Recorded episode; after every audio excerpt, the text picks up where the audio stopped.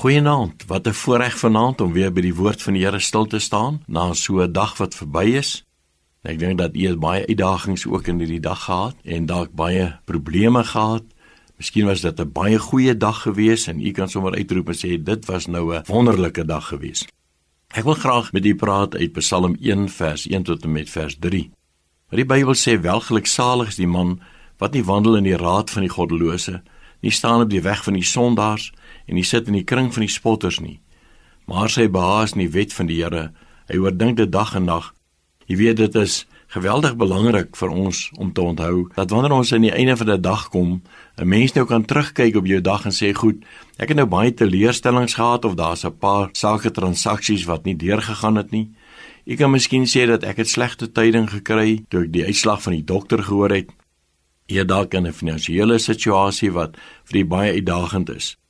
Ek dink die belangrike ding wat ons hier moet raak sien in Psalm 1 is dat die woord van die Here vir ons sê dat daar plekke is wat ons kan wandel, plekke wat ons kan staan en plekke wat ons moet kan sit. En die vraag is wat het ons vandag gedoen? Waar het ons gewandel? Met wie het ons gewandel? Waar het ons gestaan en by wie het ons gestaan en waar het ons gesit? Ek dink die belangrike ding is aan die einde van daai Psalm waar hy sê maar sy beha is in die wet van die Here.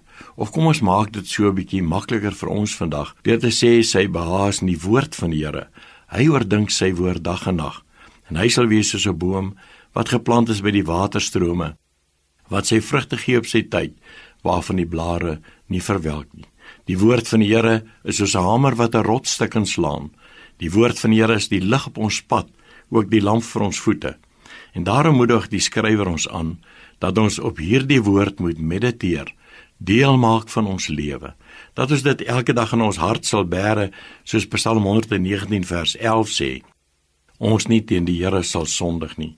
Nou wil ek terwyl u hierdie dag afsluit, vir die vraag wil u nie nou in hierdie oomblikke ook kom en vir die Here sê, Here, ek wil hierdie dag agter my los. Ek wil nou vir die vraag gee vir my 'n goeie nagrus en wek my môre met die vreugde en die blydskap van die Here Kom ons vra dit nou vir die Here.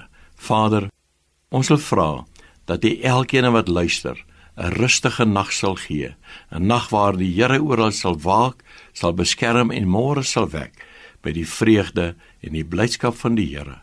Amen.